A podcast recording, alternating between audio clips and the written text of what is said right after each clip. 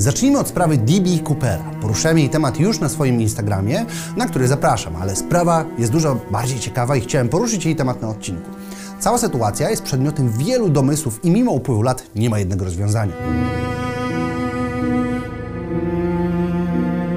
Przejdźmy jednak do opisu sytuacji. Mamy rok 1971, 24 listopada, a na samolot lecący z Portland do Seattle wsiada mężczyzna, który zakupił swój bilet pod imieniem Dan Cooper. Imieniem, które później okaże się być tylko wymysłem. Zajmuje swoje miejsce i czeka, aż samolot odleci. Po krótkiej chwili wręcza on stewardessie notatkę, mówiąc jej, żeby ją przeczytała, gdyż ze sobą posiada ładunek wybuchowy. Przez cały czas jest spokojny, nawet pokazuje stewardessie owe materiały.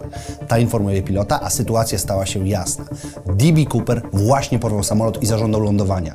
200 tysięcy dolarów w nieoznakowanych banknotach, paliwo do samolotu i cztery spadochrony. Obsługa poinformowała innych pasażerów o problemach technicznych, a pilot skomunikował się z wieżą. Sprawa była poważna. Do akcji wkroczyło FBI, które przygotowało wszystko włącznie z pieniędzmi, które dokładnie obfotografowało.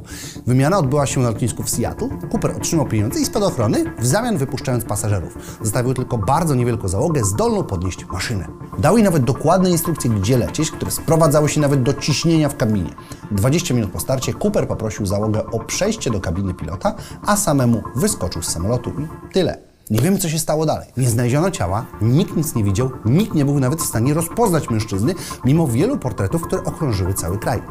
FBI szukał Coopera nawet w 2016 roku, jednak coraz bliżej stwierdzenia, że nawet jeśli gdzieś tam jest, to pewnie umarł ze starości. Mimo tego udało się skompletować 60 tomów akt i informacji, a z tego wszystkiego jedynym solidnym dowodem było to, że w 1980 roku znaleziono banknoty, które trafiły w ręce Coopera.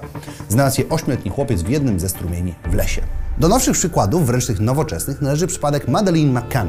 W 2007 roku trzyletnia dziewczynka znika w Praia de Luz. Jej rodzice zabrali ją do Portugalii na wakacje wraz z jej rodzeństwem. Jednego dnia zostaje ona w pokoju na wieczór, podczas gdy jej rodzice udają się do restauracji 55 metrów dalej. Regularnie wychodzą z niej, by sprawdzić, czy z dziećmi wszystko jest w porządku. Jednak podczas takiej kontroli, równo o godzinie 22, matka Madeleine, Kate, odkrywa, że jej córki nie ma w pokoju ani w pobliżu. Wszczyna alarm i cała jej rodzina, a także znajomi i inni goście hotelowi zostaną poinformowani.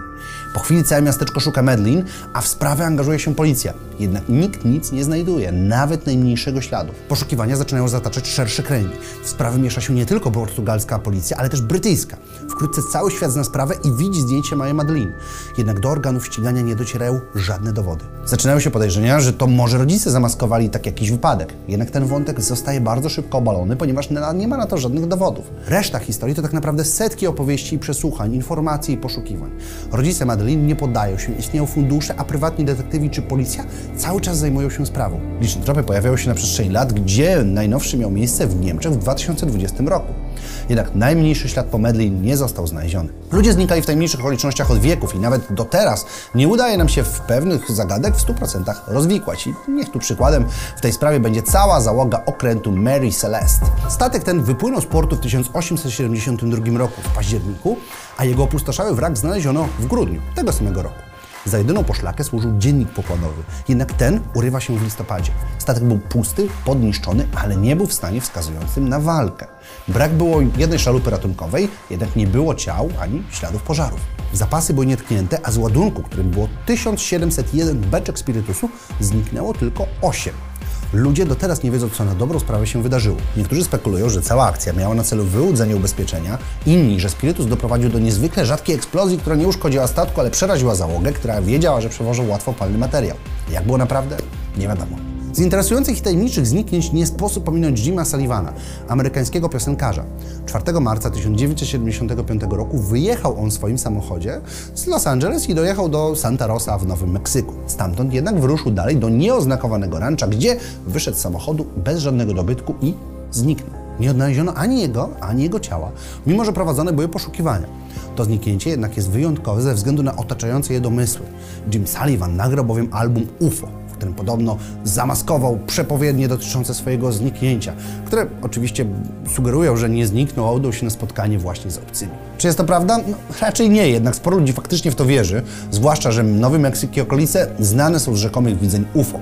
A teorii pomaga to, że jednak ciała nie znaleziono.